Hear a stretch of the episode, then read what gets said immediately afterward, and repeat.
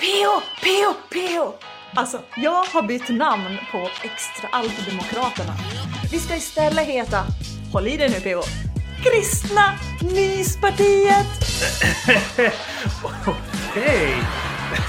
Får man lov att fråga vad det blir för valslogans eh, det här nya partiet går till val på? Ja men vad sägs om nu får vi ordning på myset? Mm, ja. Jag kanske kan tycka att det låter lite för uppfordrande. Jag tror mer på tillsammans kan vi göra myslivet bättre. Nej, alltså, du, du underskattar vikten av trygghet. Alltså, jag tror på att alla ska känna sig trygga i sängen.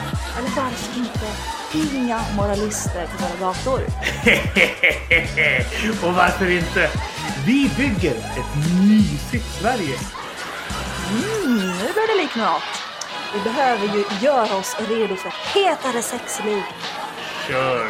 Så länge vi kommer ihåg att alla ska med när vi bygger ett mysigare Sverige. Ja, och det ska alla ha klart för sig att jag är omysernas absolut värsta fiende. Varmt välkomna till Kristna Datingpodden! En livsstilspodd om kärlek, relationer Teologi, sex, och helikoptrar! mig, Theo Flodström Apologet, entreprenör och opinionsbildare. och Silla Eriksson. evangelist, entreprenör och opinionsbildare. Podden presenteras i samarbete med kristendate.se och studieförbundet Bilda. Varmt välkomna till Kristna Datingpodden!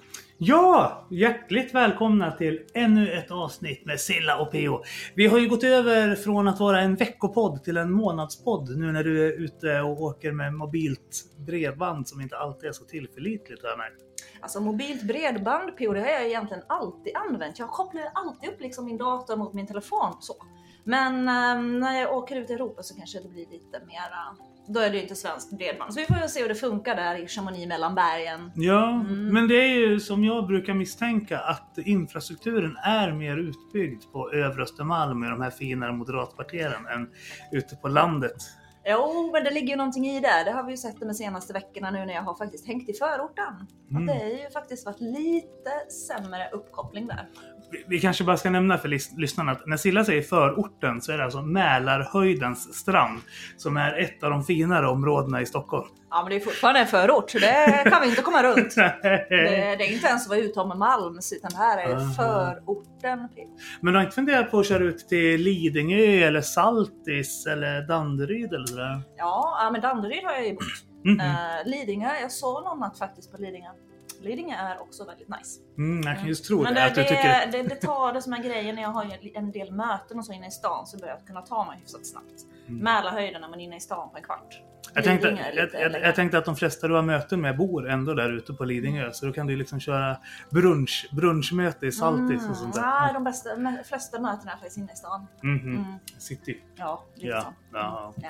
Men eh, förra månaden avsnitt så berättade du lite grann om att ehm, eh, du hade blivit dumpad och sådär. Och nu har du... Ja, men alltså jag insåg ju någonstans, och det var ju det bästa, det hade ju aldrig funkat ändå. Så det Mm. ändå känner jag ganska snabbt droppat det jag kom över det. Så nu känner jag mig jättetaggad på livet och det ska bli väldigt roligt och spännande att få lämna Sverige. Mhm. Även om det känns lite vemodigt sådär på ett sätt. Ja. Och liksom säga hej då till alla så känner jag ändå att det känns väldigt, väldigt bra och jag ser fram emot mötet med alla människor och alla platser jag ska få träffa. Och liksom. Det känns väldigt spännande bara få slänga sig ut utan att veta vart man kommer hamna eller vem man kommer träffa utan bara liksom lita på att Gud leder dit man ska.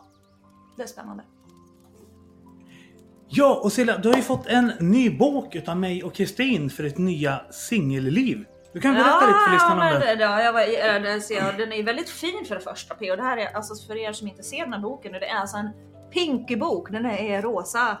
Eh, och så är det en, en skruv, skruvdragare, en borrmaskin och liksom verktyg. Och den heter Tjejernas gör det själv. 100 saker du kan klara utan en kar. Mm, mm. Alltså det, det låter ju, det, det här är ju verkligen vad jag behöver. Jag kan läsa baksidan här så får ni höra. Det här är verkligen något som jag kommer nytta av. Har du tröttnat på att vänta tills din man eller killkompis eller någon hantverkare har tid att hjälpa dig med att fixa till saker i hemmet?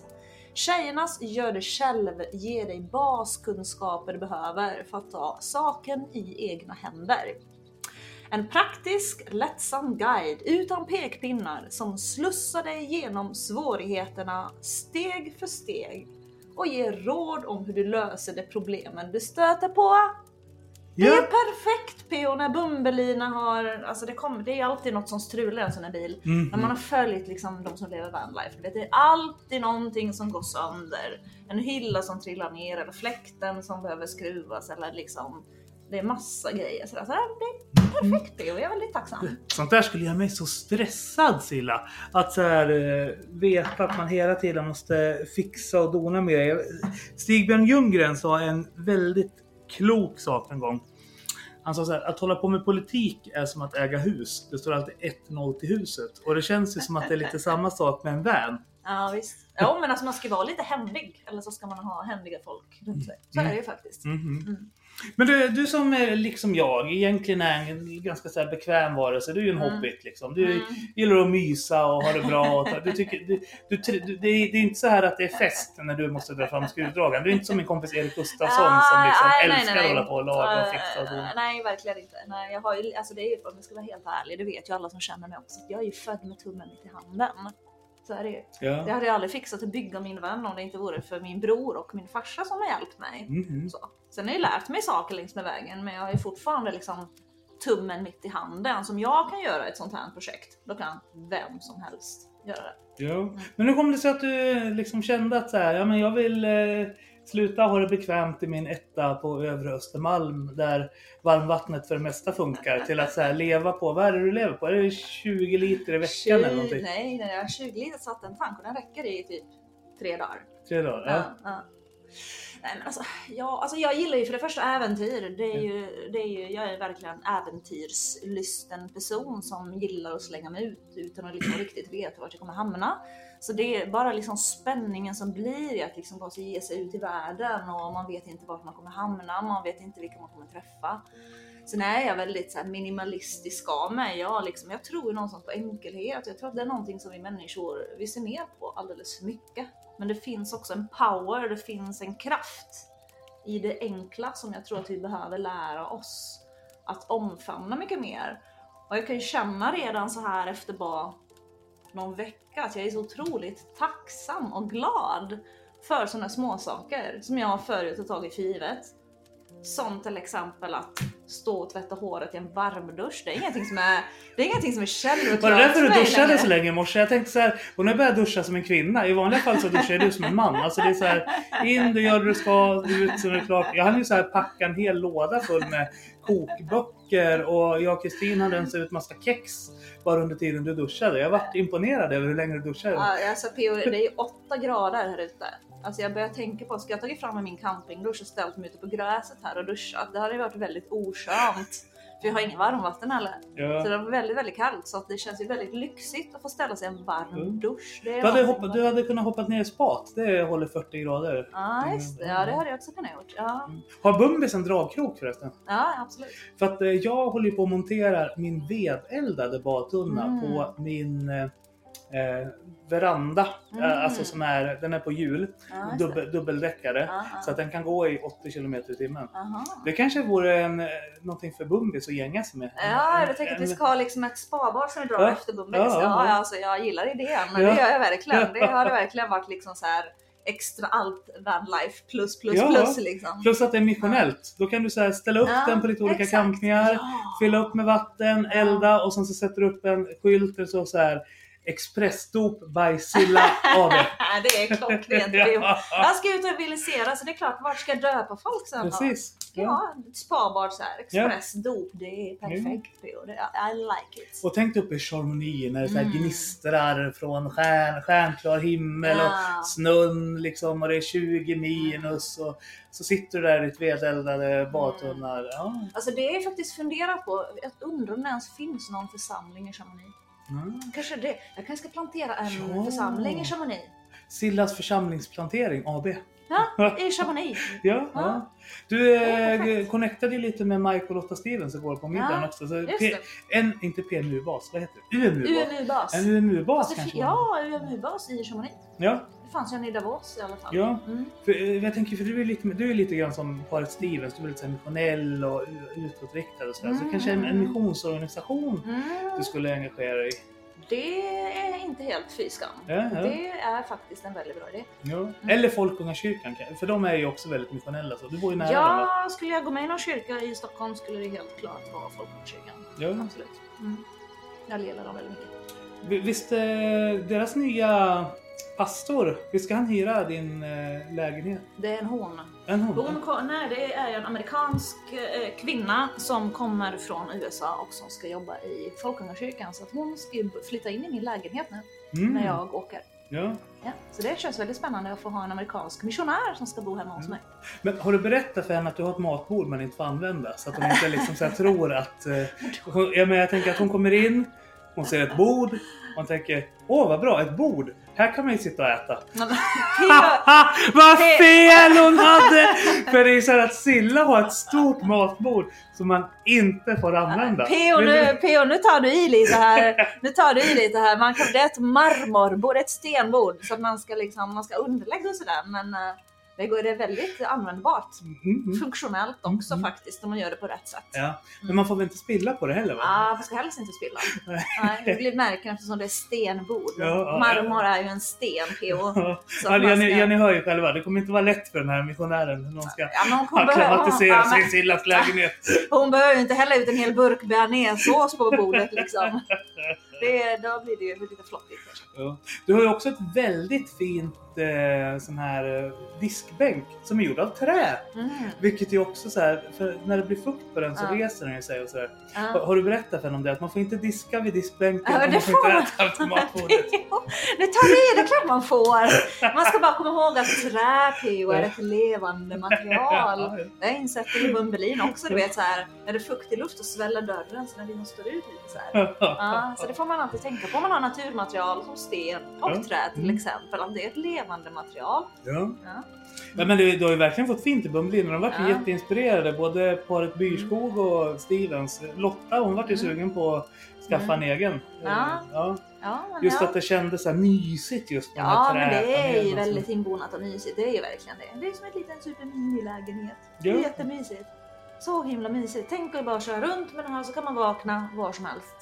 Och kan man stanna till. Ja, men här var det mysigt och fint och här träffar man lite trevliga människor och så stannar man till där och sover där. Och det, är, ah, det är en drömtillvaro. Ja. Mm. Jag hade nog mer velat haft en turnébuss. Tänk dig ett så här, ja men, Ja, men alltså, en, man- en det- riktig det är ju- dubbeldäckad Ja, turnébuss. ja, men det är ju många som köper du vet, så gamla skolbussar Mhm. och så bygger man om det. Det Ja. kan man också göra.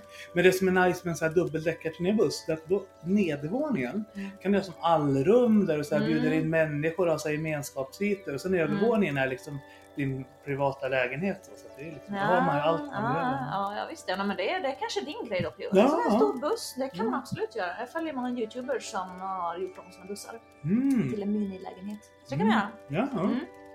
Ja, Mm. yes. Men eh, du är ju i Falun eh, nu. Ja, Mm. ja men precis. Jag är ju i Falun, eller nu sitter ju du och jag här i Borlänge hemma Ja. hos dig.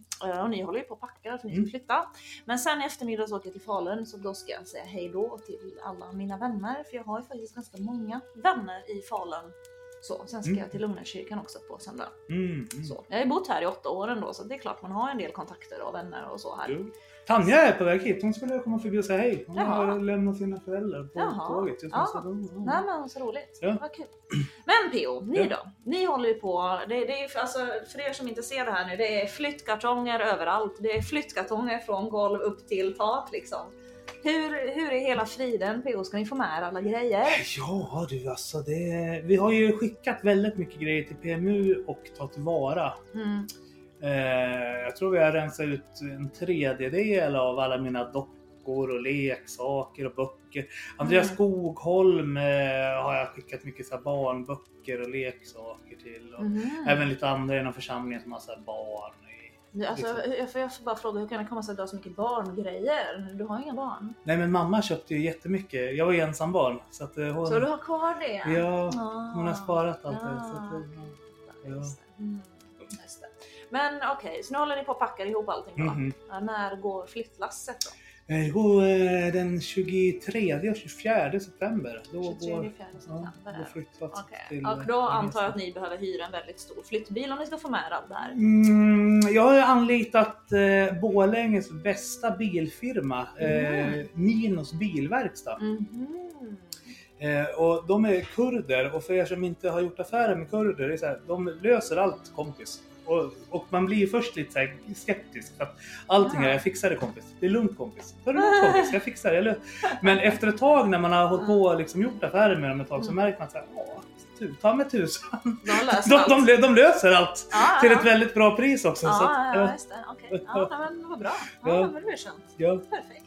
Så att Ja. eh, de sa att eh, de hade pratat med sina kusiner och allt vad det var för att de, Mm. så de skulle komma ett stort gäng, den här Mm. firman, och Mm. eh, göra allting då på lördagen och söndagen. Och då Mm. packar de ihop och Mm. städar och kör med två lastbilar till Gnesta. Ah, ja, men då är den stora frågan här då PO. Hur blir det med din spabad och din badtunna? Ja, spabadet eh, blir kvar här. Mm.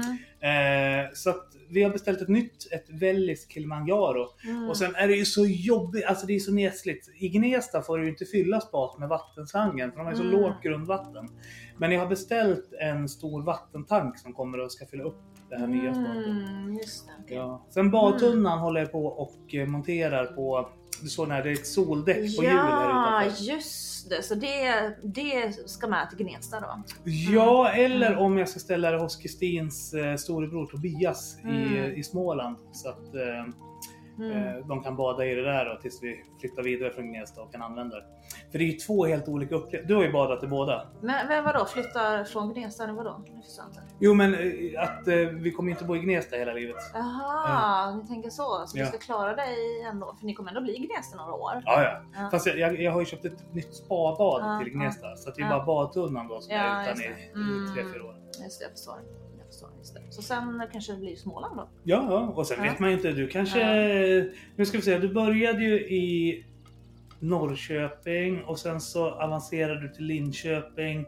Så att, och jag tänker du har ju kommit närmare och närmare det här Silla Bright to be eh, målet för varje, varje steg flyttning söderut. Så jag tänker att nästa gång så blir det någon skön frikyrkodur i Jönköping. Ah, och, alltså, då, jag... och, då, och, då, och då kan ju du ha badtunnan stå hemma hos dig i så fall tills jag flyttar dit. Så då, kan- då kan ju du bada där. Nej, jag, jag är inte helt med på noten här PO. Jag, jag tror ju att jag kommer träffa någon skön fransman.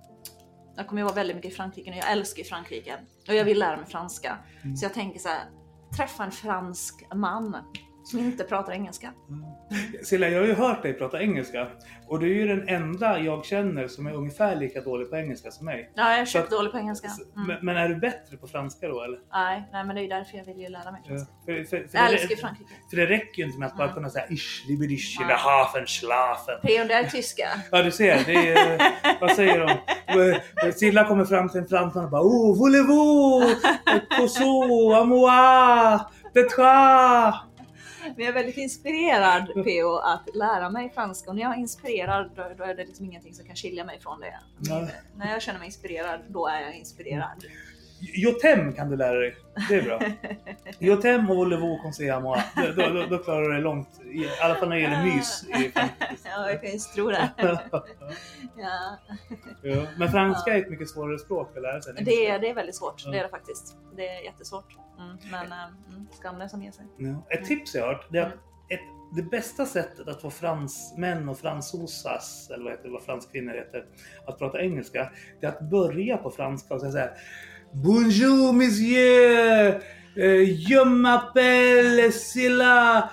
Tu parles anglais! Då blir de så imponerade över att du anstränger dig och liksom försöker Mm. prata franska. Att, Ja, ja, ja, eh, men man måste ju, de vill ju verkligen se att man anstränger sig och försöker. Det är ju så. Ja. Och då blir man lite mer hjälpsam och ödmjuk och så. Liksom. ja, Så det är väl så på de flesta ja. saker, tänker jag, i livet. Att man liksom vill se att en person försöker och anstränger sig lite grann och då blir man lite mer tillmötesgående. Så. Men hur, hur är det med dig? Är du, du är ingen doftkänslig så?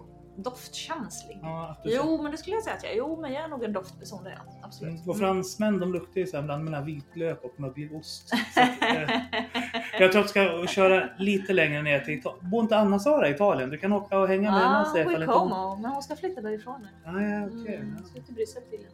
Mhm. Mm. Så nej, men Italien blir det säkert också. Sen när snön kommer i Chamonix-Alperna, typ där kanske november, december, så då blir det kanske södra Italien, Mhm. södra Frankrike, Ja. kanske Spanien, vi får se. Mhm. Mm. Fast jag tror att en skidinstruktör kanske är mer redlig än en liksom spansk strandraggare. Jag tror att Ja, ja, jo, absolut, definitivt. Mm, mm, absolut, jo, nej, men det kanske det jag ska ha.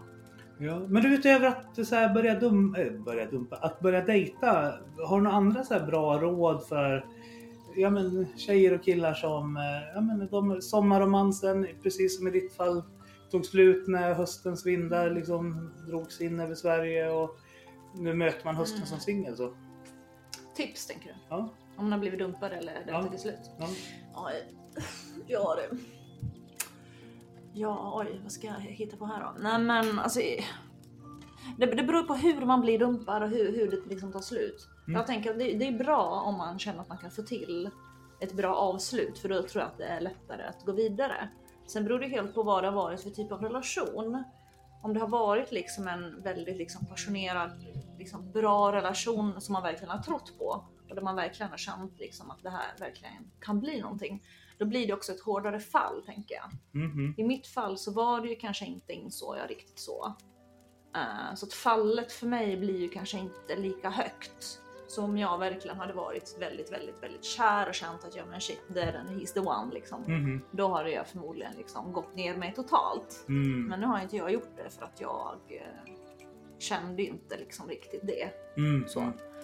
Men jag tror att man behöver ju ge sig tid. Är det så att man verkligen är hjärtkrossad så tror jag inte det är någon idé att bara liksom springa förbi det. Jag tror att det är viktigt att ta sig tiden att verkligen liksom ja, men känna in allting och landa i det och liksom känna att man, man får känna, man får liksom gå igenom alla de här lagren av känslor. För det tror jag att man behöver göra.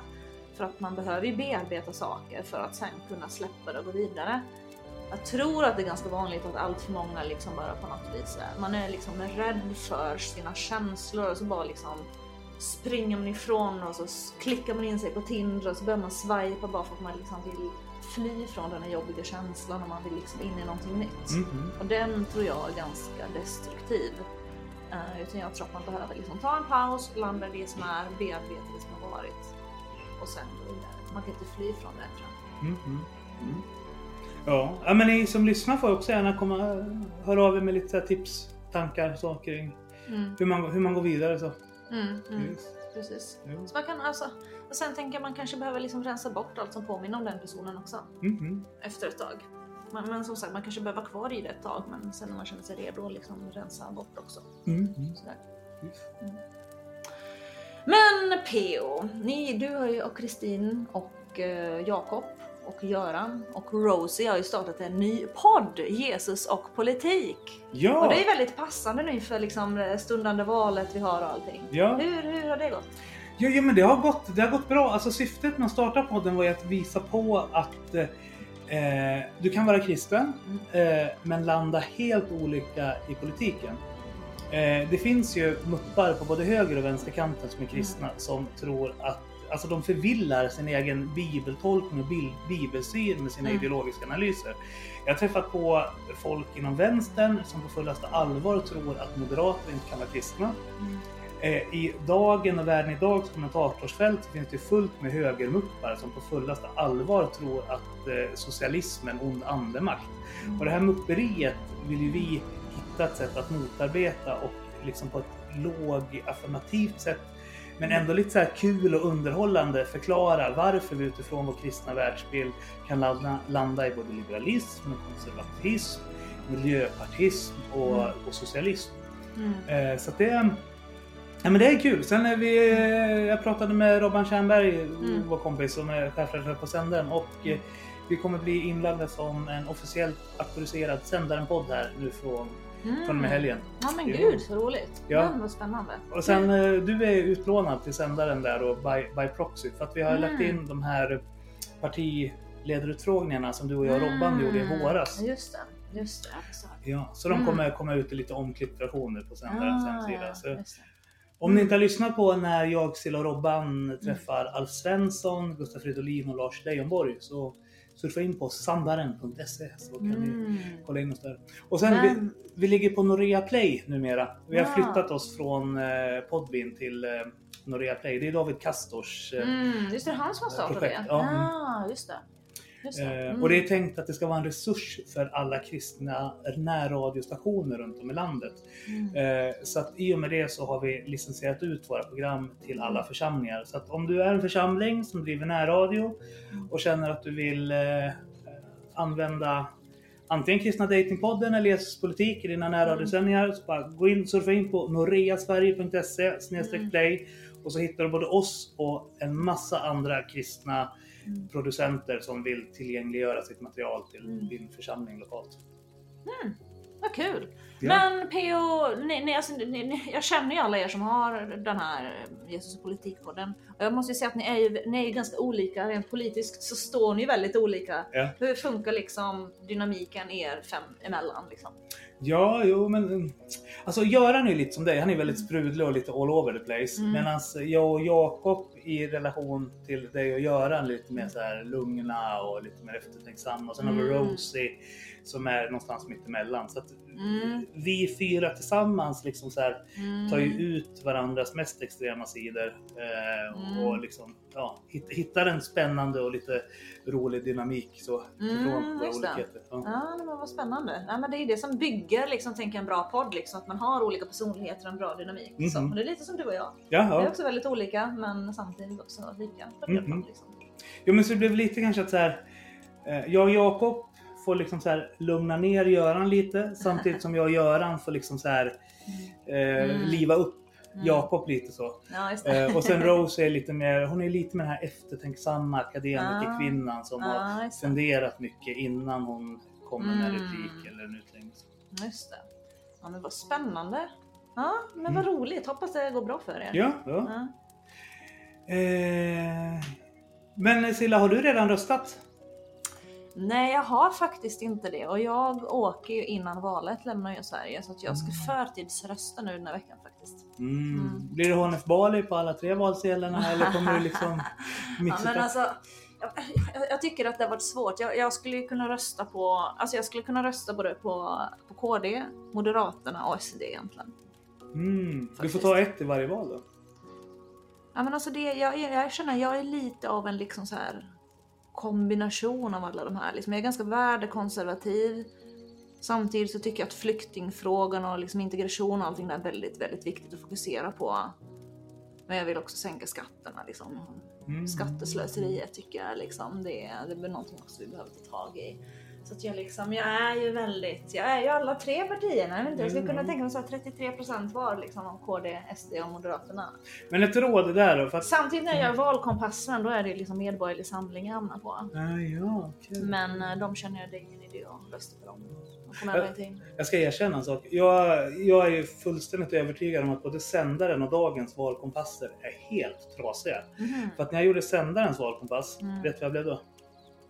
Vad det blev då? Ja, det kanske blev en Medborgerlig Samling. Nej, moderat. Ja, du moderat. Titta, jag, jag har ju sagt det att PO är en moderat innerst inne. Men sen så gjorde jag dagens valkompass. Vad tror jag blev då? Då blir det kanske SD. Nej, centerpartist. Centerpartist. Okej, intressant. Men man kan ju Mm. alltid lita på public service. Ja. Så jag gick till SVT's. Och så blev du sosse. Nej, vänsterpartist. Vänsterpartist, ja. Jag har varit 68% vänsterpartist och 67% socialdemokrat. Mm. Och då tänkte jag, man måste sluta när man ligger på topp. Så efter det har jag inte gjort några fler valkompasser. Nej, kanske bra det. Ja. Men jag tänker att det blottar en svaghet de här valkompasserna. Mm. Att urvalet av frågor är så riktat i de här olika valkompasserna att Mm. resultatet av dem kan bli så här spretigt. Mm. Att det liksom var Moderaterna, Center och Vänstern Mm. i beroende på vem det är som har utfört Ja, jag, jag har faktiskt bara gjort en sån här valkompass, men jag kan tänka mig om jag hade gjort lite olika att jag kanske också hade fått olika. Ja, för jag har ju alltid tänkt att ifall jag någonsin skulle börja rösta borgerligt så är det ju Kristdemokraterna. Mm. Alltså så här, Moderaterna och Centern är ju Mm. liksom så här helt verklighetsfrämmande för mig att jag skulle Mm. rösta på. Just det, Ja. jag fattar. Hmm. Ja, nej, men det är verkligen intressant. Ja, men har du, du har bestämt dig vad du ska rösta på? Ja, ja, jag kommer kli- kryssa Rickard Rudolfsson. Mm. Eh, Han är ordförande för Vänsterpartiet här Mm. i Borlänge. Så Mm. jag kommer köra honom på riksdagsvalet och kommunvalet. Sen ska jag kolla lite på regionlistan. Där, när det, regionvalet är ungefär som är parlamentsvalet för mig. Mm. Att eh, där går jag lite så här på person. Så. Mm. Att, eh, så där kan det lika gärna bli sossarna eller Kristdemokraterna till och med. Jag vet inte, Mm. Emil Åman, ifall han kandiderar till regionsvalet för KD så kanske jag kryssar honom. Jaha, jag visste inte att han var engagerad i politiken här ens. Han är jätteengagerad. Jaha, det ska vi helt ärligt säga, det visste inte. Nej, Ja, okej. Okej, Ja, ja. spännande. Mm, Kul. mm. Ja, det är roligt. Ja, Ja. yes. Men PO, vet du vem som har skickat in veckans låt idag? Nej vadå Silla? Är det Mats Sternland som har eh, kommit med en ny låt igen? Nej PO, det är ju din stora idol! Uh, vem av dem är det du tänker på? Roland Utbult. Men nej Silla! Jag, jag vet att han har släppt en ny låt men vi ska, vi ska inte börja spela kristdemokratiska vallåtar i podden. Jo, PO är snälla! Den heter KD-sången, alltså det är ju perfekt! Högerpropaganda till Silla och minst sången mupperi till PO. Det blir helt glorious! Nej, alltså inte alls Glorious. Hans senaste låt har ju ett helt annat sound än det här klassiska Roland Utbult-soundet. Han har blivit jättepåverkad av Hillsong på senaste tiden.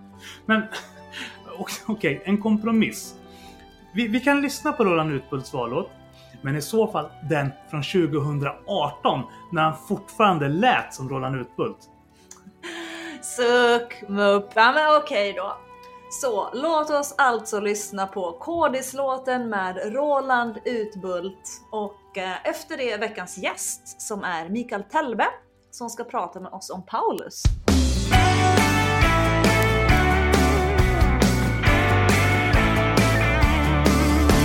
Behöver en ny politik med en hållbar kristen etik som grund i vår demokrati i det samhälle vi lever i. Vi behöver mer solidaritet där varje människa blir sedd. Mer av social passion för den som förlorat sitt mod. Den 9 september i år ska vi bestämma var vi står. Höger eller vänster eller var ska vi välja denna viktiga dag.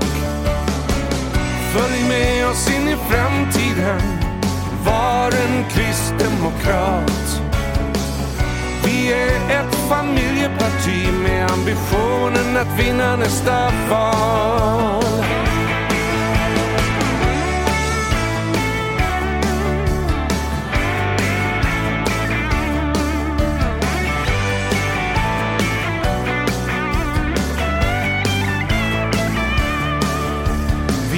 Lyssnar till barnens behov och till unga som hoppas och tror. Till äldre som kämpat ett liv. Vi behöver KD-politik. Vi behöver en ny politik med en hållbar kristen etik som grund i vår demokrati i det samhälle vi lever i.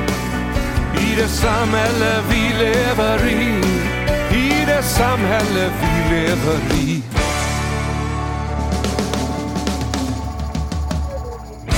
Och idag PO är det ju så att vi har en helt awesome glorious gäst idag.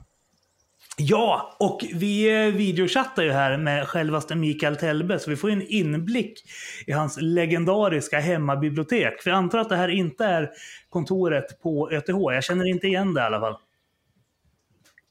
Det jag sitter i mitt arbetsrum hemma, så det är helt rätt. Ja, och jag måste erkänna Mikael att jag har ju pluggat ännu hårdare inför den här intervjun än vad jag brukade göra för dina tentor. Och eh, det tror jag är tur, för jag brukade alltid få göra om dem och vi har inte riktigt tid att göra om det här avsnittet. alltså jag visste inte att man skulle plugga inför avsnittet. Jag klev av ett flyg för typ två timmar sedan så att jag känner mig lite så här oförberedd om jag ska vara helt ärlig. Brukade du klara Mikaels NT-tentor på ÖTH Silla? Alltså jag har inte skrivit några tentor faktiskt. Jag läste ju bara praktisk teologi. Ah, Okej, okay. ja, ja, ja. Mm, så jag slapp liksom tentorna.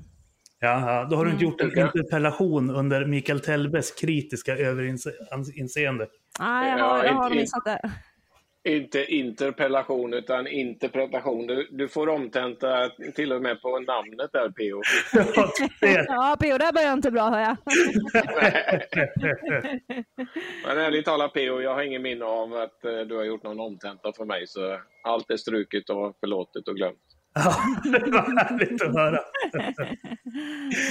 och sen, jag tycker det är extra kul att vi eh, just har lyckats få dig som gäst. För du var ju den absolut första personen som jag träffade när jag fick kontakt med Akademi för teologi och ledarskap, heter det numera. På den tiden hette det Örebro Missionsskola. Yes. Och eh, Mikael, skälet till att vi har bjudit in dig till podden denna särla afton är för att eh, eh Kristna Datingpodden, vi samarbetar med kristendate.se.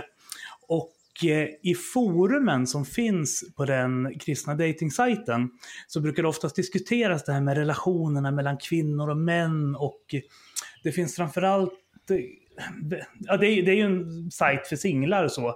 Eh, och eh, många på det forumet har varit singlar i väldigt många år och har därför utarbetat väldigt starka åsikter kring hur en relation ska vara, väldigt starka ideal. Och de kopplar oftast det till Paulus. Eh, och då tänkte jag och Silla att om man ska ta sig an det här och diskutera Paulus, då finns det ju ingen man hellre gör det med än Sveriges ledande Paulusforskare. Eh, Precis. Så därför har vi ju förberett dig med några frågor som eh, vi har antecknat i samband med, nu inser jag att lyssnarna ser ju inte att jag sitter och håller upp din bok här. Mikael Telbe, Paulus mot väggen. 18 raka frågor och lika många försök till svar. Mycket bra bok, den kan jag rekommendera. Men den är lite tjock och svår ifall man jämför med den som enligt mig är Mikael Telbes bästa bok som heter Bibelsyn och bibelbruk. Som en vit och lite, lite mer lättillgänglig bok för den som inte är van med teologisk litteratur.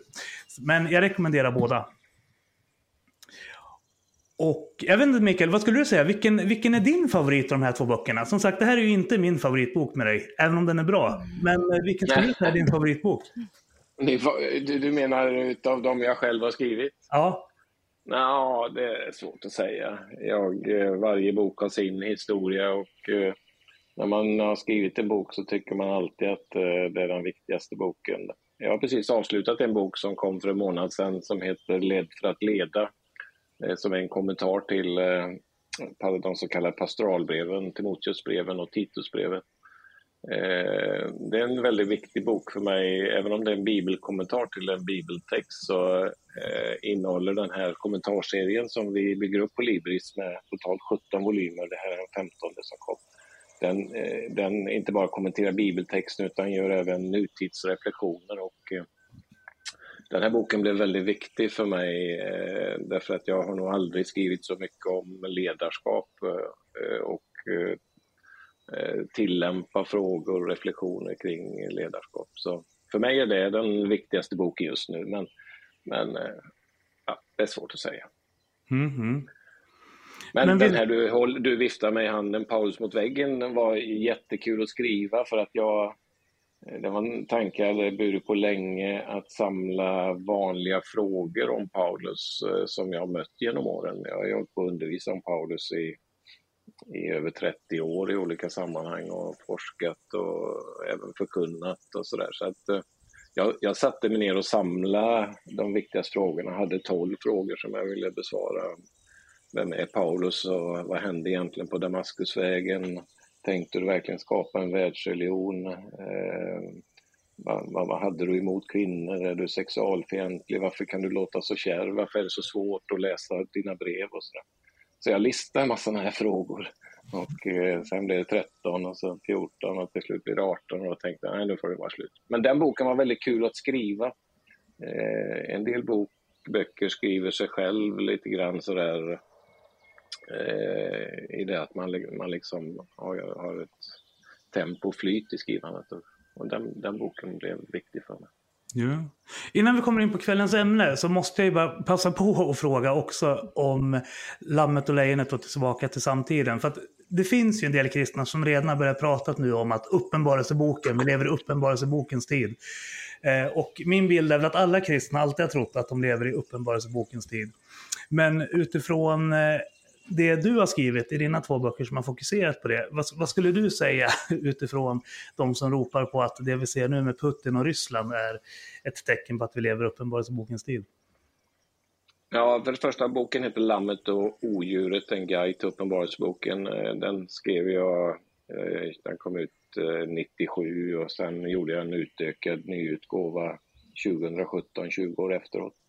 Eh, och, det, och det var för, för mig ett sätt att försöka hjälpa den vanliga bibelläsaren att hantera en bok eh, som Uppenbarelseboken som är så svår och som dessutom har fyllts med så mycket spekulationer och tankar och sådär. Eh, eh, jag tror det är sunt att tänka att, att vi alltid lever i den sista tiden. Det gjorde även de första kristna, det vill säga man, man eh, dagen för Jesu återkomst är alltid närmare än vad det, idag än vad det var igår, som Paulus säger i Romarbrevet 13. Och, och eh, det är klart att för mig, eller inte kriget med Putin, ett tecken i sig självt. Det är ju snarare det här att vi går eh, från klimathot till pandemi till hotande tredje världskrig. Eh, alltså det, det, det, det är globala händelser som, som blir, drar in allt fler människor i historien. Eh, klimathotet eh, drabbar oss alla.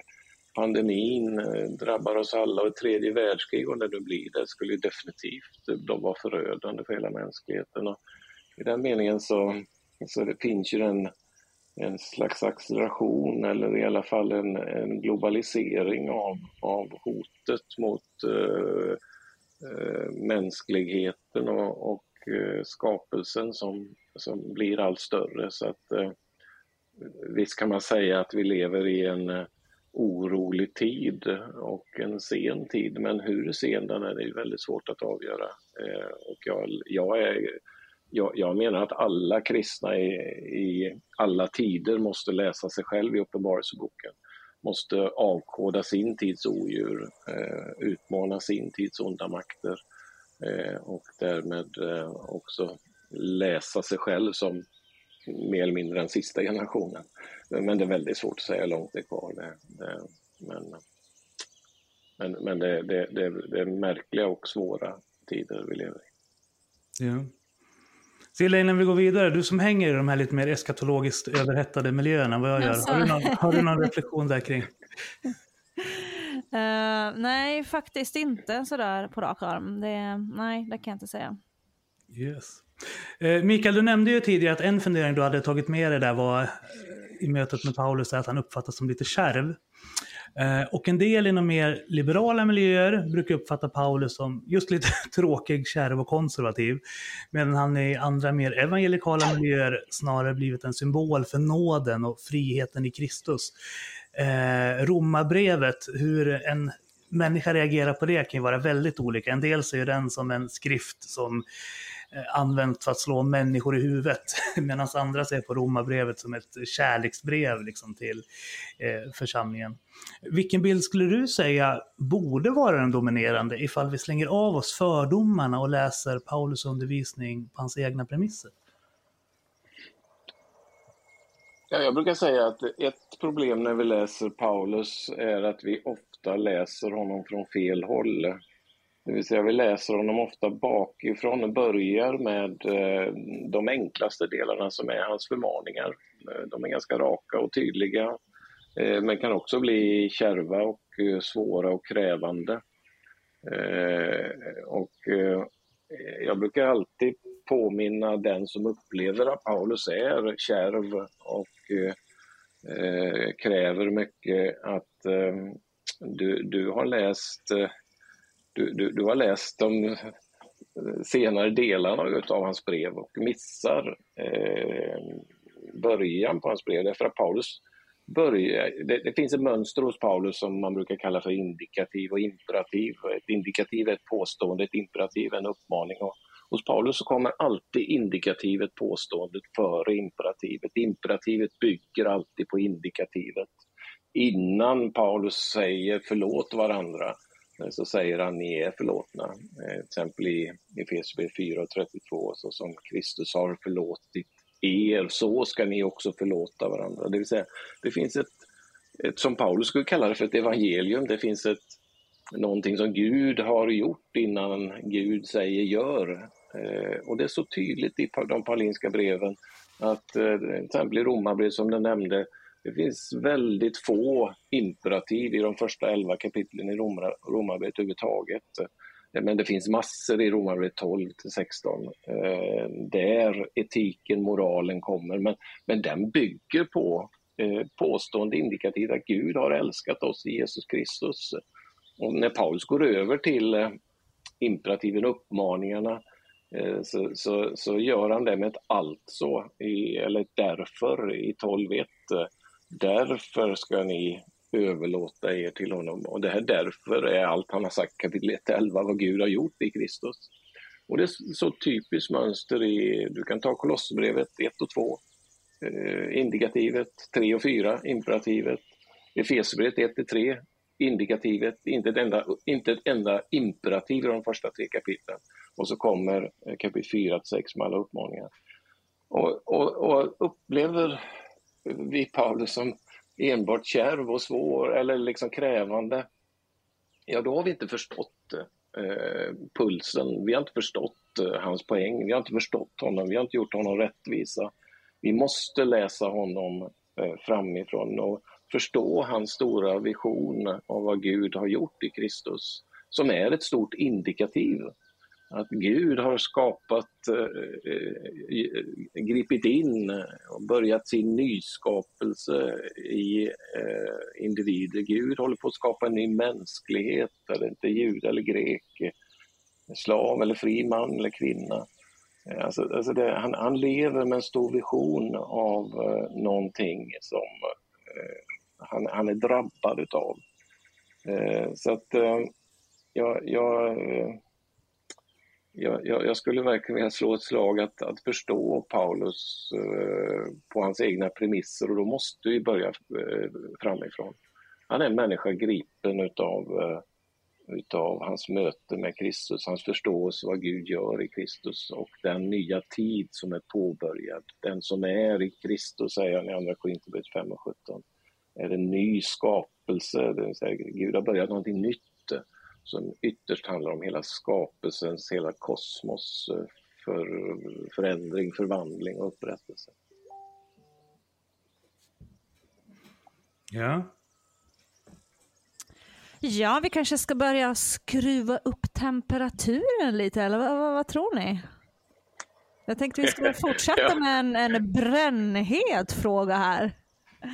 Och det är ju huruvida, alltså det här med kvinnligt ledarskap, hur det är, eh, ska kvinnor få vara ledare i Guds församling eller inte? Där finns det ju verkligen två olika läger.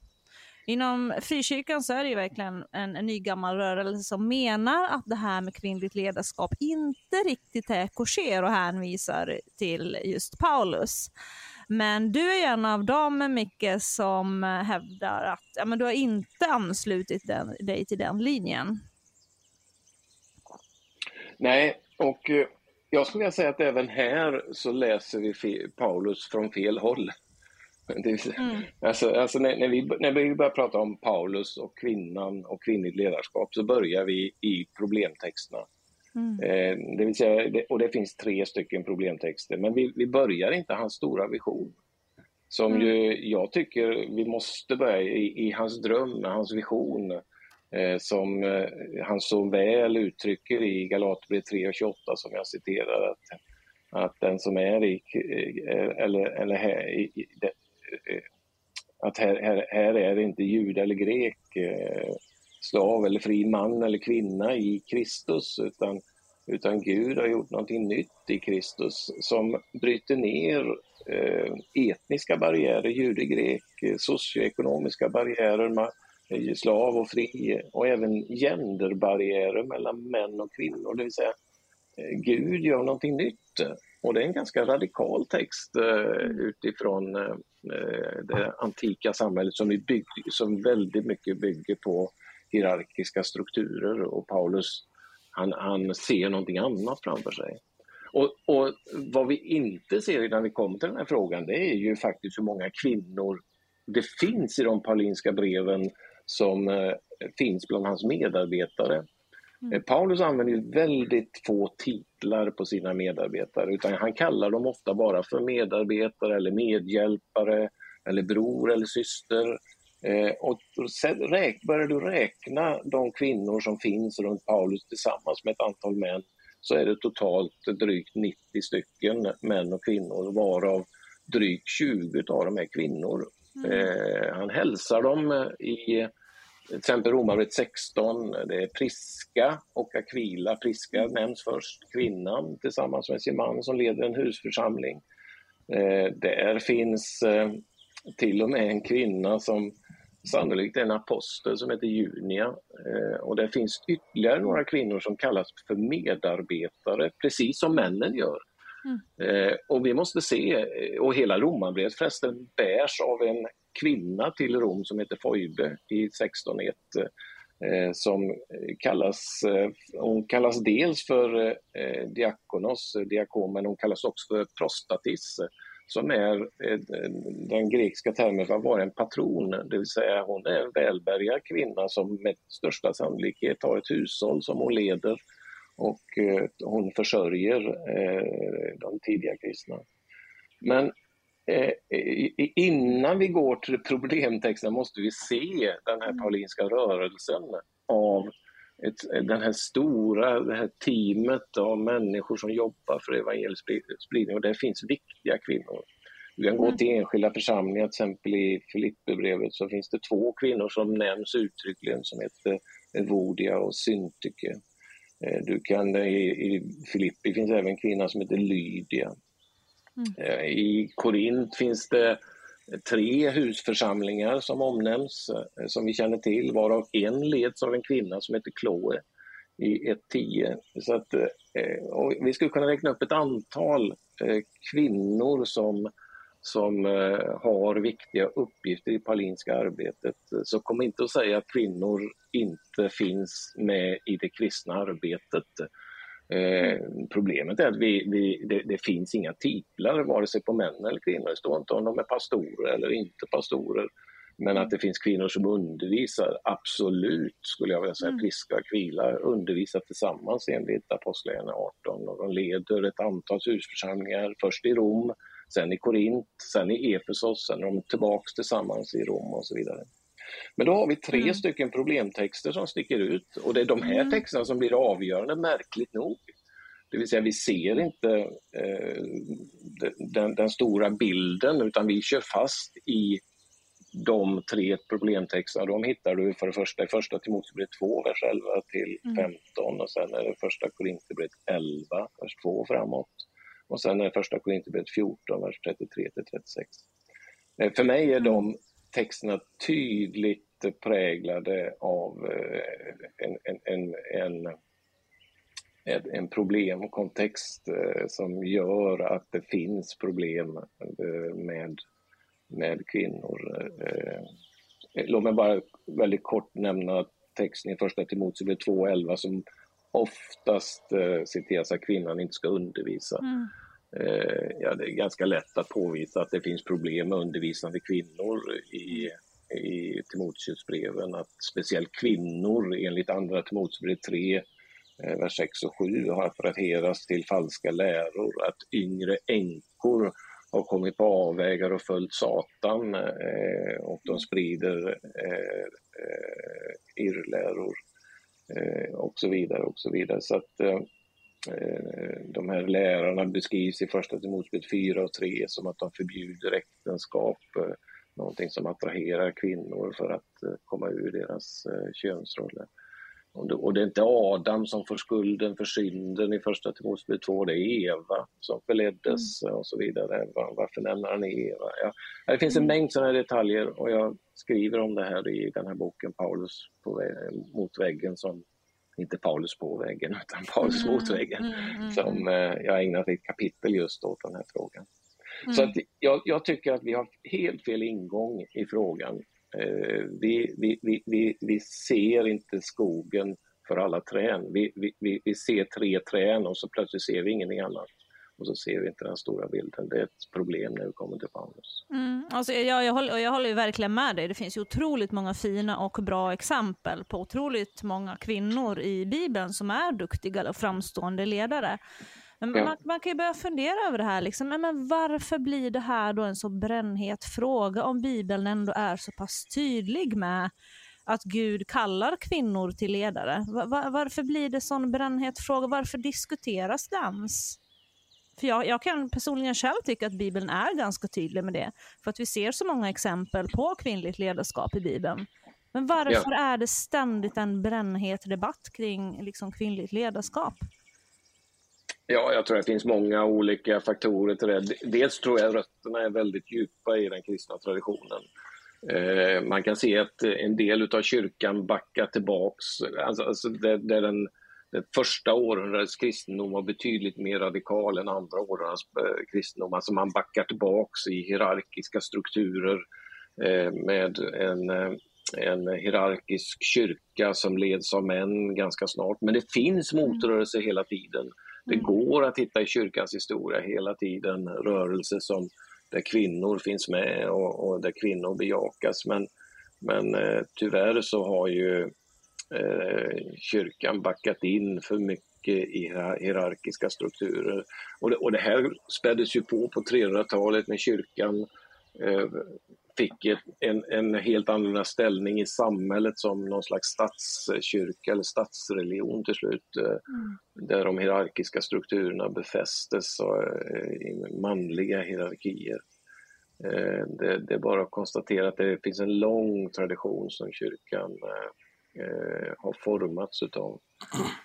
Sen, sen, sen, kan det finnas andra förklaringar som, som jag menar, många går ju tillbaks till de här skapelsetexterna och menar liksom att mannen har någon slags företräde i skapelsen. Mm. Jag har väldigt svårt att se det vare sig i första Korinthierbrevet 11 eller första Timoteusbrevet 2 som ofta hänvisas till. Eh, där, eh, där, där, där, man liksom vill, vill mena att det finns en skapelseskillnad. Jag, jag för, för mig är, är det självklart att det finns en biologisk skillnad mellan män och kvinnor som även kan ligga på det mm. psykologiska planet. Det, är, det tror jag inte det, det, det, det bejakar jag definitivt. Men att kvinnor skulle vara odugliga som ledare eller inte kunna leda församlingar. Jag tror församlingar leds mm. bäst av män och kvinnor tillsammans därför mm. att vi kompletterar varandra. Mm. Eh, ja, ja jag, tror inte, jag tror inte heller att Gud lägger ner ledarskapskvaliteter i kvinnor för att han sen bara liksom ska säga att kvinnor inte får vara ledare. Det är klart liksom nej, att han lägger ner ledarskapskvaliteter i båda två. Och jag ja. vill ju se ledare som har fått gåvan av Gud att leda, alltså inte gåvan ja, att tillhöra ja. ett visst kön. Absolut. Nej, men det är märkligt, jag satt just och tittade på på nyheterna här när jag kopplar in er. Eh, men där står eh, Magdalena Andersson tillsammans med Sanna Marin från, mm. från Finland eh, och de leder varsitt land. Eh, det är märkligt att inte kyrkan kan bejaka kvinnligt ledarskap när vi kan se hur väl kvinnor kan fungera i många andra uppgifter i samhället. Mm. Det, för mig är det ytterst märkligt. Men jag, när jag hävdar att det här, vi ser ju framträdande kvinnor redan i Nya Testamentet så så att, eh, men det finns också en rädsla eh, hos en del män tror jag också att eh, kvinnor ska ta över. Och, men men eh, mm. ja, jag, jag eh, tror att det finns många olika anledningar till det. Men, men jag drömmer av, av, av, om församlingar som kan ledas tillsammans, män och kvinnor, på lika villkor. Mm. Absolut, men det är väl det som känns mest sunt. Men vi kom ju lite grann in på det här med, ehm, med att eh, kvinnan ska underordna sig mannen. Ja, nu viftar PO där. jag, Jag, jag tänker innan vi kommer in på den Silla, för det Ja. som du och Mikael pratar om nu, de konservativa eller traditionalisterna, de skulle ju mena att deras position inte kommer utifrån någon slags undertryckt eh, önskan om att vilja förtrycka kvinnor, utan om en längtan och önskan om att läsa som det står och vara trogna Bibelns ord och Guds ord. Eh, och eh, du- du Silla var ju i en debatt eh, till exempel med en eh, ja, Mika Fryxelius heter han, till exempel kring det här med kvinnligt ledarskap i församlingen. Eh, och då diskuterade ju ni den här bibelpassagen eh, Kvinnorna ska tiga vid sammankomsterna, de har inte lov att tala utan ska underordna sig för det passar sig inte för en kvinna att tala vid sammankomsten. Och också diskuterade ni eh, Timoteus där, att själv undervisa tillåter henne inte och inte heller att bestämma över mannen utan hon ska hålla sig tyst och stilla. Eh, och hans argumentation var ju hela tiden att så här, han vill följa det Bibeln säger eftersom han tror att Bibeln är Guds ord. Och jag tänker, Mikael har ändå skrivit flera böcker, han har även skrivit en bok som just Mm. heter Vad menar vi när vi säger att Bibeln är Guds ord? Så jag tänker innan vi går vidare till nästa ämne så skulle jag bara vilja höra en liten reflektion kring Mikael, hur du tänker kring en sådan invändning mot din argumentation. Ja, för det första så tror jag att eh, det du citerade, det var ju första Korinthierbrevet 14 och första Timoteusbrevet 2. För mig finns det en eh, partikularitet i de texterna i den meningen att, det- att det finns en slags, alltså en, en förklaring till varför Paulus säger så här. Ofta så liksom grundar ju man det här på en slags skapelseargument. Som, som eh, gör att man läser som det står. Men det är inte så enkelt eh, tycker jag. Jag ska problematisera det här lite grann genom att peka på första Korinthierbrevet 11, en av de texterna som där Paulus använder eh, skapelseargument. Han kan säga så här eh, att en kvinna drar skam över sitt huvud om hon ber eller profeterar barhuvad, första Korinthierbrevet 11 och 5. Det är samma sak som om hon hade rakat av sig håret, för om en kvinna uppträder barhuvad kan hon lika gärna ha håret avklippt. Men där det nu är en skam för kvinnan att klippa eller raka av håret måste hon ha någon huvudbonad. En man behöver ju inte ha något på huvudet eftersom han är en avbild och avglans av Gud. Men kvinnan är en avglans av mannen, till mannen kommer inte från kvinnan utan kvinnan från mannen. Och mannen skapades inte för kvinnan utan kvinnan för mannen. Eh, och då använder man den här texten för att liksom eh, peka på mannens suveränitet. Eh, eh, Paulus plockar upp en skapelsetext. Alltså man, man, man använder ju det inte för att argumentera för att kvinnor måste ha långt hår eller att kvinnan måste ha en slöja utan man, man tar den här, det här, det här centrala avsnittet eh, där Paulus eh, hänvisar till eh, första Moseboken 2 och eh, att eh, Gud skapar man och kvinna men mannen skapades först. Det intressanta med den här texten som jag brukar påpeka det är ju att Paulus läser ju eh, skapelseberättelsen lite udda egentligen. För I första Moseboken 1 står det att Gud skapade man och kvinna till sin avbild. Men det är inte den texten han citerar. Han, han eh, refererar till en rabbins tolkning av första Moseboken 2 där mannen skapades först och därmed var det mannen som var avbilden. Alltså en tolkning av första Moseboken 2. Och då brukar jag eh, liksom påpeka det, ja men hallå, eh, Eh, Paulus han, han förbigår ju faktiskt till och med en väldigt tydlig text och bygger en tolkning för att få kvinnorna att lyda i det här sammanhanget, det vill säga ta på er eh, de här slöjorna därför att det är något som väckte anstöt. Och troligtvis så handlar det helt enkelt om, om eh, att inte bli förväxlad eh, med en prostituerad kvinna som ju tog av sig de här slöjorna. Det finns en hel del att säga kring det där. Men det intressanta tycker jag är när han håller på att resonera kring det här och försöker få de här kvinnorna att ta på er den här slöjan för att inte väcka anstöt. Så, så, så kan han säga eh, i sitt resonemang som verkar väldigt skapelseorienterat, mannens prioritet för kvinnan. Och så kan han säga i vers 11, och ändå i Herren kan inte kvinnan tänkas utan mannen och inte heller mannen utan kvinnan, till liksom kvinnan har kommit från mannen så blir också mannen till genom kvinnan och allt kommer från Gud. Det vill säga, han, och här, här finns ju väldigt intressant hur Paulus kan argumentera utifrån två paradigm.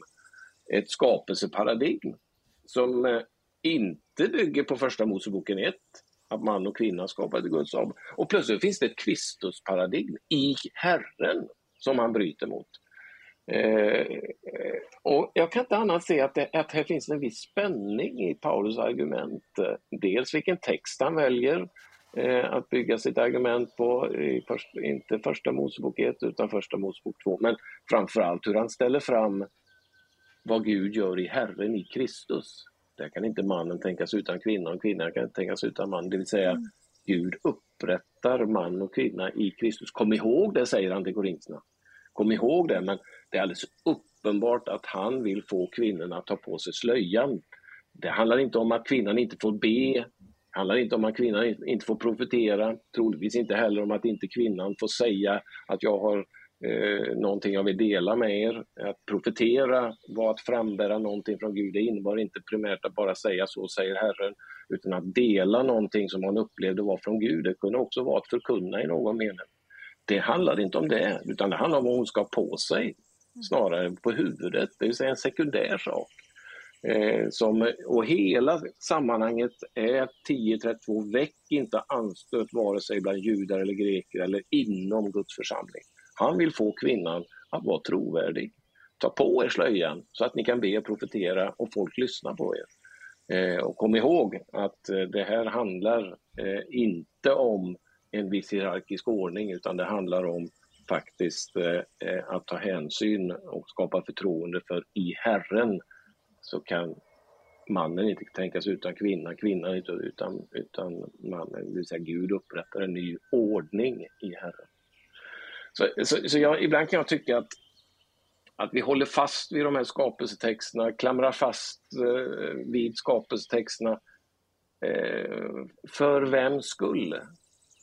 Är det verkligen Guds ord i den meningen att, vi, att, att Gud har eh, skapat en hierarki som omöjliggör för kvinnor att kunna leda ja, men, hela sammanhanget handlar ju om att kvinnor profeterar, de bär fram någonting från Gud själv. Eh, det är väl det största man kan göra, eh, att vara bemyndigad som budbärare för Gud i församlingen. Så ser vi inte den uppgiften och vad Gud gör i Kristus.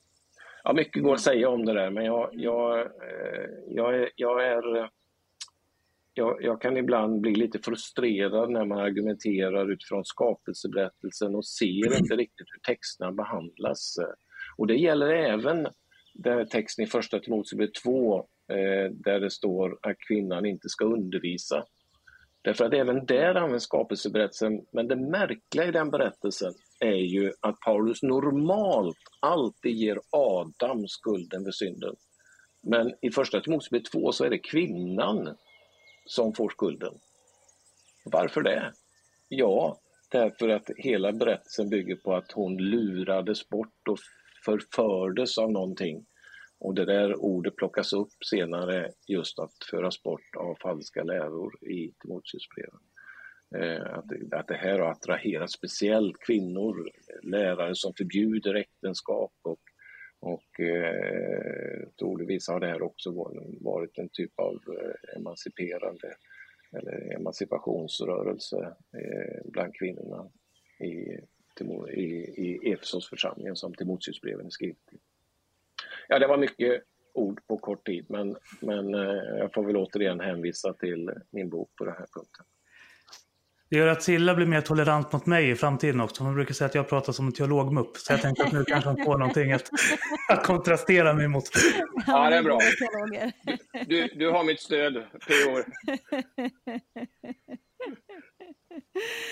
Ja. ja, men du kom ju lite in på de här frågorna med att um, det här med att kvinnan ska underordna sig mannen och det är också en sån här brännhet fråga. Uh, jag, jag hävdar ju bestämt att jag tycker att det borde stå att vi ska underordna oss varandra, för det är ju det som jag tänker att är mest sunt. Men alltså, texterna som handlar om att kvinnan ska underordna sig mannen, hur, hur, hur tycker du om du lite kort ska liksom förklara. Hur tycker du att vi ska närma oss de texterna på ett sunt Ja, och men du, sätt? hörde Silla, du, du, du, du, du, du, citerar ju faktiskt eh, en bibeltext eh, när du säger att det borde stå att de ska underordna er sig varandra, för det så står ju det i Efesierbrevet 5 och 21. Ja, underordna er Mm, varandra i vördnad Mm, för mm. Kristus. mm, Och vet du vad? Att I den grekiska texten så bygger den uppmaningen underordna er varandra på, och det här är alltså Efesierbrevet 5 och 21. Den uppmaningen bygger på Efesierbrevet 5 och 18 när Paulus säger så här. Berusa er inte med vin, där börjar lastbarheten, utan låt er uppfyllas av ande. Där kommer uppmaningen. Sen följer fyra stycken så kallade particip som bygger på uppmaningen. Eh, om ni uppfylls av ande, då kan ni tala till varandra, ni kan sjunga och spela och ni kan tacka. Och så kommer det femte participet Mm. och ni kan underordna er varandra Mm. i vördnad för Kristus. Men det är Det något vill säga- ställe där det står att kvinnan ska underordna sig mannen. Var, vart är det det står nu igen? Jag kommer inte ihåg. Ja, Ja, och det Efesier står- 5.22. ja. Ja, men hur, hur det- ska vi det- förhålla oss till den texten då? Ja, men titta här nu. Det, det här är själva utgångspunkten, det vill säga andeuppfyllelsen. Mm. Leder till ett nytt sätt att förhålla sig till Gud, men också till varandra. Och då säger han så här i vers 22. Ni kvinnor foga er efter era män som efter Herren, ty en man är sin hustrus huvud, liksom Kristus kyrkans huvud. Han som också är frälsare för denna sin kropp. Och liksom kyrkan underordnar sig Kristus, så ska också kvinna i allt underordna sig sina män. Det är där du hakar Mm, upp dig. precis, precis. Men kom ihåg då, då har han redan sagt det här i vers 21, Mm. att det handlar om en ömsesidig eh, underordning. Mm. Eh, för det andra skulle jag vilja säga att vi uppfattar ju ofta, eh, eller det finns ju en diskussion kring det här med eh, vad menas med att mannen är kvinnans huvud. En del menar att huvud betyder snarare ursprung eller källa. Jag är lite Mm. tveksam till den tolkningen. Eh, huvud betyder normalt i grekiska texter, eller har mer vanligtvis att göra i alla fall med rang eller position. Eh, och Paulus, och återigen det finns det en spänning i Paulus texter. Precis som jag sa i första Korinthierbrevet 11, han kan å ena sidan eh, hålla på med skapelseberättelsen och sen kan han prata om vad Gud gör i Kristus. Och det finns en spänning här också. Underordna er varandra som ett resultat av Andens uppfyllelse Mm. i Kristus, säger han. Mm. Och samtidigt så kan han säga att kvinnan ska underordna sig mannen. Men då ska vi komma ihåg att Paulus skriver ju i ett sammanhang där detta var en självklarhet.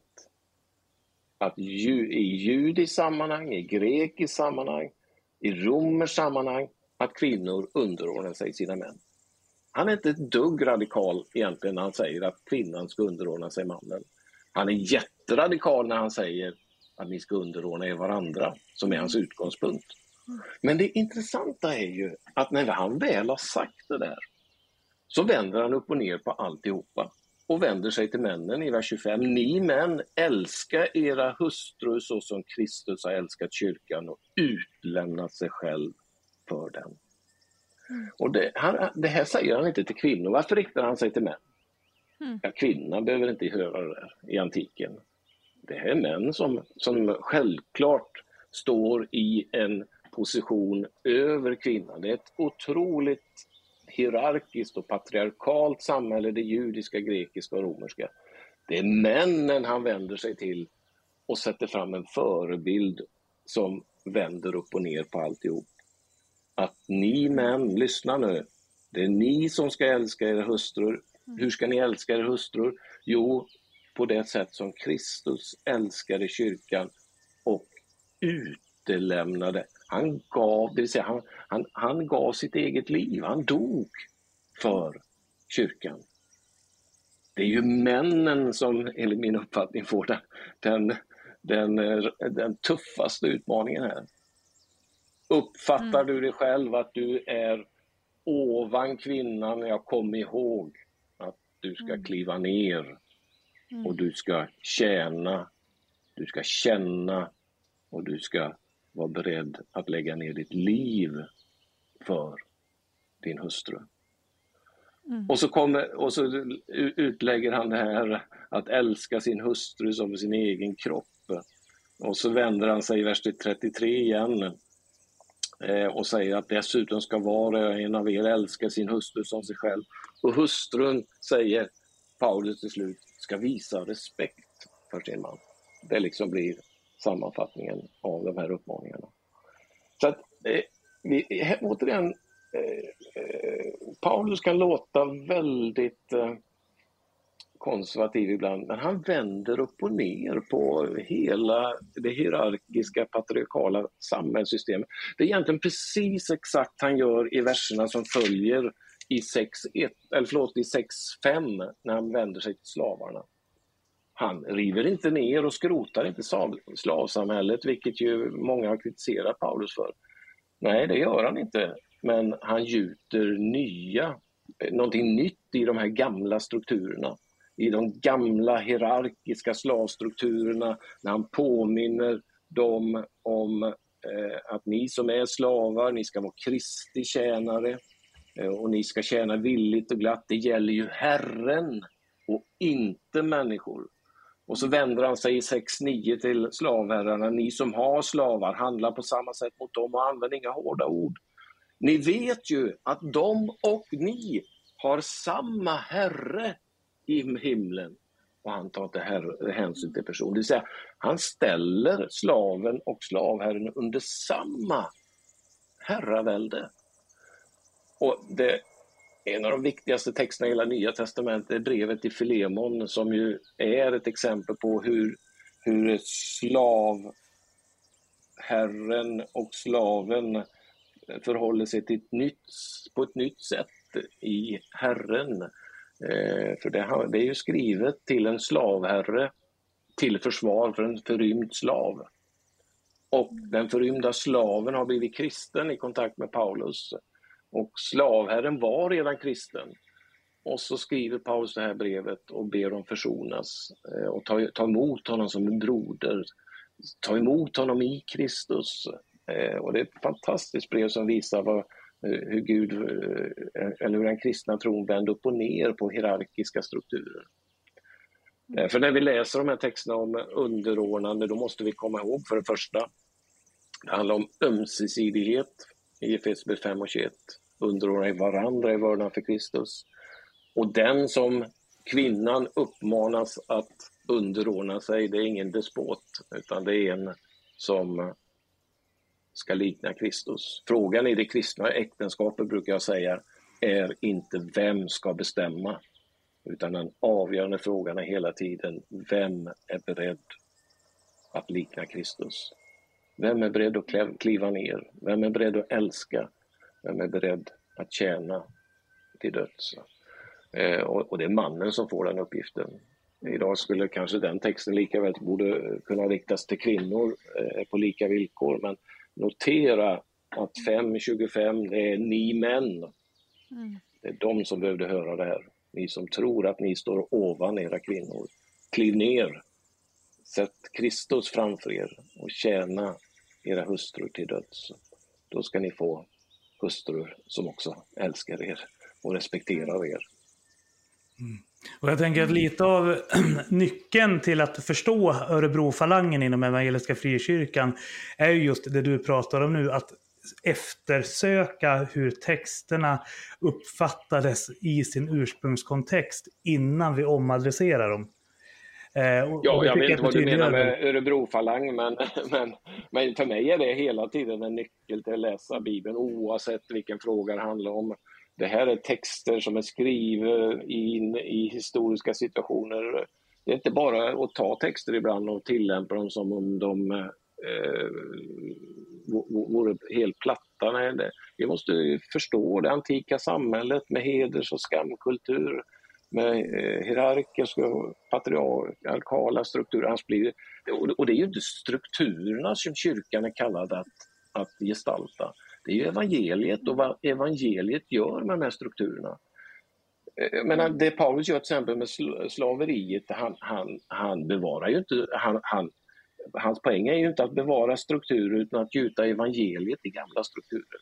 På 200-300-talet blir ju kyrkan anklagad för att fullständigt eh, förstöra hela, hela mikrostrukturerna i det romerska samhället genom deras sätt att behandla kvinnor, slavar och barn. Eh, det vill säga de marginaliserade. Man, man liksom, eh, det gick inte att upprätthålla det hierarkiska samhällssystemet på det sätt som kvinnorna behandlade de marginaliserade. Eh, det vill säga evangeliet gjorde någonting. Och så kommer vi 2000 år senare och tror att, det, att frälsningen och räddningen sitter i strukturerna. Kan vi bara få kvinnorna att lyda män, ja då blir det bra. Kan vi bara ha vissa strukturer i kyrkan när det gäller ledarskap, ja då blir det bra. Eh, och så tror jag att väckelsen sitter i strukturerna, när det, det gör det inte alls. Det sitter i evangeliet och vad, vad, vad evangeliet gör med, med eh, jude, grek, slav, fri, man, kvinna. Ja. Tiden går fort när man har roligt Mikael och om det är ja. någonting din kollega Åsa Molin brukade trycka på var vikten av att respektera andra människors tid. Ja, eh, och vi har ju en fråga kvar som vi skulle vilja hinna ta med dig. Även ja, ifall... den mest glorious frågan. ja. ja. Eh, även om det... det innebär att vi tar en kvart mer än vad vi från början sa. ja, ni styr tiden. Ja. ja. Nej, men det är så här, vi är ju en kristen datingpodd trots allt och många av våra lyssnare så funderar ju väldigt mycket på kring det här. Men hur kan vi skapa goda och varaktiga kristna relationer? Så vilka goda råd skulle du säga då att vi så här primärt kan ta med oss från Nya Testamentet och eh, de paulinska texterna då i, i synnerhet? Oj, vilken fråga. Den där frågan är ju den är jättestor därför att det finns så mycket relationstexter hos Paulus. Paulus är ju superintresserad av relationer. Mm. Vad, vad Gud gör med våra relationer. Och allting börjar med vad Gud gör i våra liv. Och det får, alltså den, den, den vertikala relationen, det vill säga mellan Gud och människa, får konsekvenser i de horisontala relationerna försoning är inte bara ett begrepp som Paulus syftar på handlar om vad Gud gör mellan Gud och människa utan vad som händer mellan människor och människor. Eh, och det blir så tydligt i hans brev som vi var inne på, där Paulus kan röra sig mycket om hur Gud försonar hela mänskligheten med sig själv i början av sina brev. Och sen när han kommer till andra halvan i brevet så handlar det om vardagsrelationer. Det vill säga, hur ska vi, vad betyder det här för våra relationer? Och då finns det så många texter man skulle plocka upp och kunna peka på. En av mina älsklingstexter när det gäller församlings och, och vardagsrelationen är, Kol är Kolosserbrevet eh, 3 och 12. Och jag kanske får ta den texten bara som en text jag, jag kan skicka med mm, Datingpodden här. Där Paulus säger i 3.12 Som Guds utvalda, heliga och älskade ska alltså klä er i innerlig medkänsla, vänlighet, ödmjukhet, mildhet och tålamod. Ha fördrag med varandra, var överseende om ni har något att förebrå någon. Liksom Herren har förlåtit er ska också ni förlåta, men över allt detta ska ni ha kärleken, det band som ger fullkomligheten och låt Kristi frid råda i era hjärtan, den som ni kallades till som lämnar i samma kropp och visa er tacksamhet. Ja, det är så mycket mm. goda råd ja, för relationer. Ja, jag älskar den texten. Ja, ja nej, men så att, eh, ja, vad ska man ge för, för relationsråd? Ja, nej, men, det, det finns ju massor i den här texten. Men intressant är ju, jag nämnde ju att jag har skrivit en kommentar till eh, pastoralbreven och det, Paulus funkar ju som mentor i de breven till två yngre medarbetare, Timoteus och Titus, som troligtvis är ogifta. Eh, man får ingen känsla att de är gifta eh, när han skriver breven. Han ger väldigt konkreta råd till dem eh, i till exempel hur de ska förhålla sig till, till andra män men också till andra kvinnor. Han kan ju säga till Timoteus i, i första tim 5 och 2 till yngre kvinnor ska du förhålla dig som till systrar, rent och oskyldigt. Mm. Ja, vad innebär det? Eh, kan man fundera på. Ja, vad innebär det i tider av metoo? Det handlar naturligtvis om respekt. eh, om, om eh, att, att eh, vara medveten vem du är eh, så att du också kan behandla en kvinna med, med respekt och så vidare. Så att, här finns ju väldigt mycket sådana konkreta råd blandat med de här mer allmänna råden också. Så att jag, jag, jag har inget eh, sådär jättebra datingtips eh, mer än att eh, vara var, var dig själv och eh, lev i din tro eh, och låt Gud fortsätta göra ett gott verk i ditt hjärta. Ja. Eh, mm. ja, nej men. Mm. Jag vill bara slänga in en jättesnabb sista, sista fråga som jag såg att jag hade missat. För att en, okay. en, en, sak som dyker upp på Kristen Date det är att eh, en del eh, har snävat av sitt sökfält lite grann. Att de kan bara tänka sig att dejta någon som inte är skild, alltså någon som alltid har varit singel. Eh, ja. Och det tar ju också sin utgångspunkt i, i Paulus. Och den här frågan börjar bli vanligare och vanligare, kanske framförallt bland våra äldre lyssnare. Men den mm. växande mm. trasigheten vi ser med liksom, fa familjer som inte har klarat av att hålla ihop, det börjar ju komma in mer och mer även i, i våran miljö. Så. Eh, så jag tänkte bara kolla lite grann vad du tänker där kring Paulus och skilsmässor och omgifte. Ja, för, för, mig är det här en fråga som jag märker i Nya Testamentet redan är under förhandling. Eh, alltså låt oss börja hos Jesus där han kan säga i Markus 10 att den som skiljer sig från sin hustru och gifter, sig, gifter om sig är en äktenskapsbrytare, punkt. Eh, eh, Markus brukar ju ses som det tidigaste evangeliet, men går du till samma text i Matteus så finns det ett tillägg. Den som skiljer sig från sin hustru av annat skäl än otukt plötsligt så har det kommit in en klausul med tiden. Och när du kommer till Paulus så är han fullt medveten om skilsmässor. Det märks i första Korinthierbrevet 7. Speciellt eh, de som lever med icke-troende eh, män. Eh, och han nämner ju uttryckligen i första Korinthierbrevet 7 att, att om, om den mannen vill skilja sig så eh, ja, låt, eh, låt det vara så. Eh, han, han, eh, det, det, det blir eh, eh tydligt att eh, hans utgångspunkt är att en hustru inte får lämna sin man. Men så säger hon så, men gör hon det ändå ska hon förbli ogift eller försona sig med mannen. Det vill säga, man, bör, man inser, ja, relationer kan gå sönder och så finns det liksom ja, en slags eh, eh, eh, eh, eh krasshet som smyger in i texten att ja, man har ett ideal men eh, relationer kan också gå sönder. Det, det, finns ju en text som jag tycker spökar i Bibel 2000, eh, eh, återigen i pastoralbreven, när Paulus talar om församlingsledaren, så står ju det i Bibel 2000 i första Timoteusbrevet 3 och 2 att han bara ska vara, ha, eh, han, Eh, han ska bara ha varit gift bara en gång, står det. Jag tror det är en fel översättning, vilket jag argumenterar för i min kommentar. Eh, det står att han ska vara en enda kvinnans man. Jag tror inte det handlar om omgifte eh, och skilsmässa utan eh, det finns goda grunder att argumentera för att det handlar om trohet mot sin hustru. Alltså sexuell trohet och hålla sig till sin, sin hustru helt enkelt. Eh, den här frågan har ju omförhandlats i, inte minst i frikyrkan på, eh, på eh, relativt kort tid.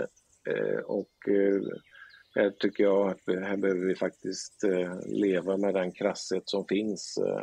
Det är tillräckligt stigma att ett äktenskap går sönder. Låt oss omfamna de brustna och be om helande och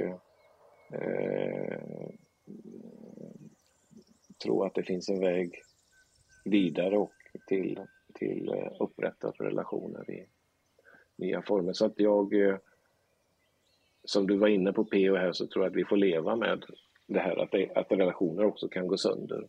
Och då borde kyrkan egentligen vara expert på försoning och eh, att kunna också förmedla en väg vidare med trasiga relationer.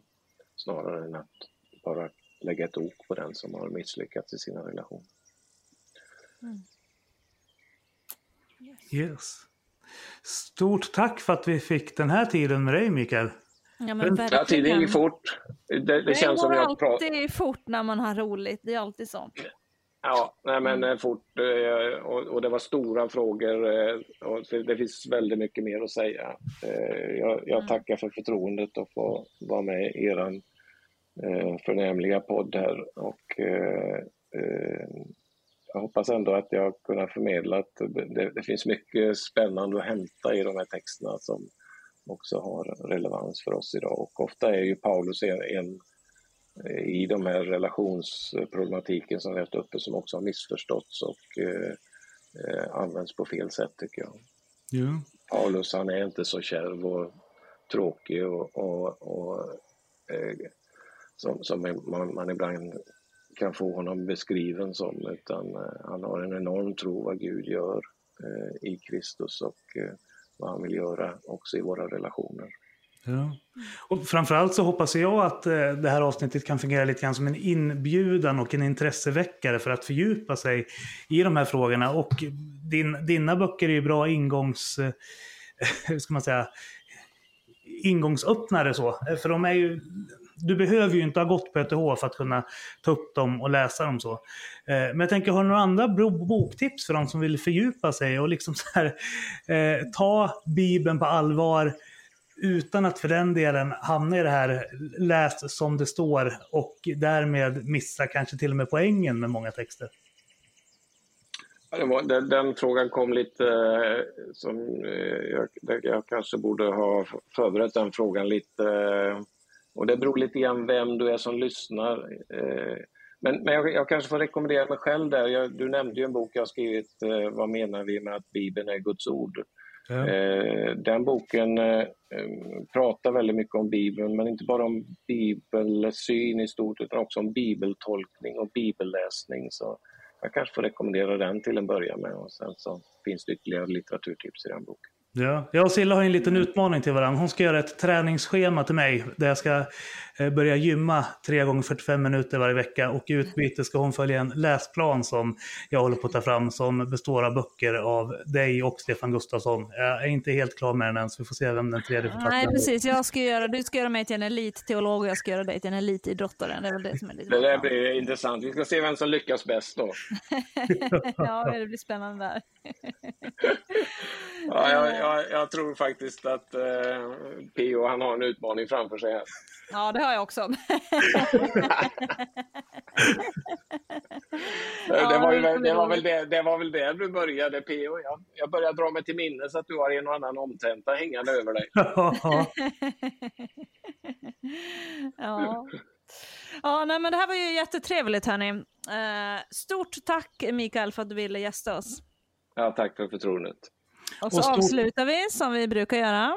Med att önska våra kära lyssnare En stor stor puss puss och och kram! Stort tack för att du har lyssnat på Kristna Datingpodden. En livsstilspodd i samarbete med kristendate.se och studieförbundet Bilda.